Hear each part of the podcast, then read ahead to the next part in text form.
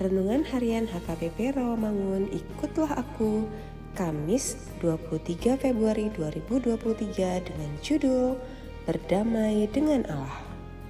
Bacaan kita pagi ini tertulis dalam 1 Korintus 12 ayat 12 sampai 26 dan bacaan kita malam ini tertulis dalam Matius 14 ayat 30 sampai 31.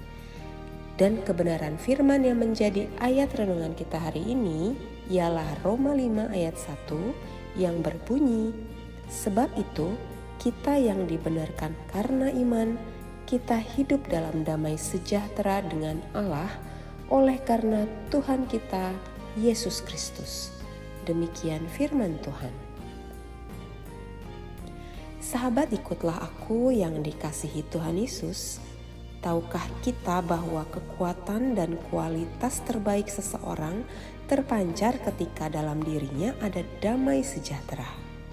Sebaliknya, kualitas terburuk dari seseorang kelihatan ketika dalam dirinya tidak ada damai sejahtera. Maka, yang menjadi pertanyaannya adalah: apakah kita lebih sering memiliki damai sejahtera atau tidak?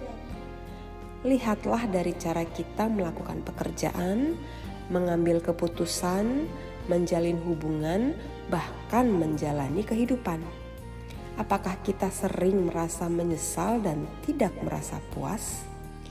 Itu berarti kita sering pada situasi tidak mengalami damai sejahtera atau ketenangan batin.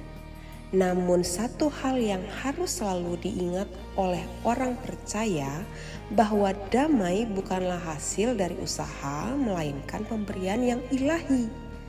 Damai adalah buah Roh Kudus yang diberikan kepada orang yang berada dalam tuntunan Roh Kudus. Tentunya, hanya orang beriman kepada Yesuslah yang diberi Roh Kudus, sebagaimana dijanjikan oleh Yesus sendiri iman kepada Yesus Kristus telah mendamaikan manusia dengan Allah Bapa.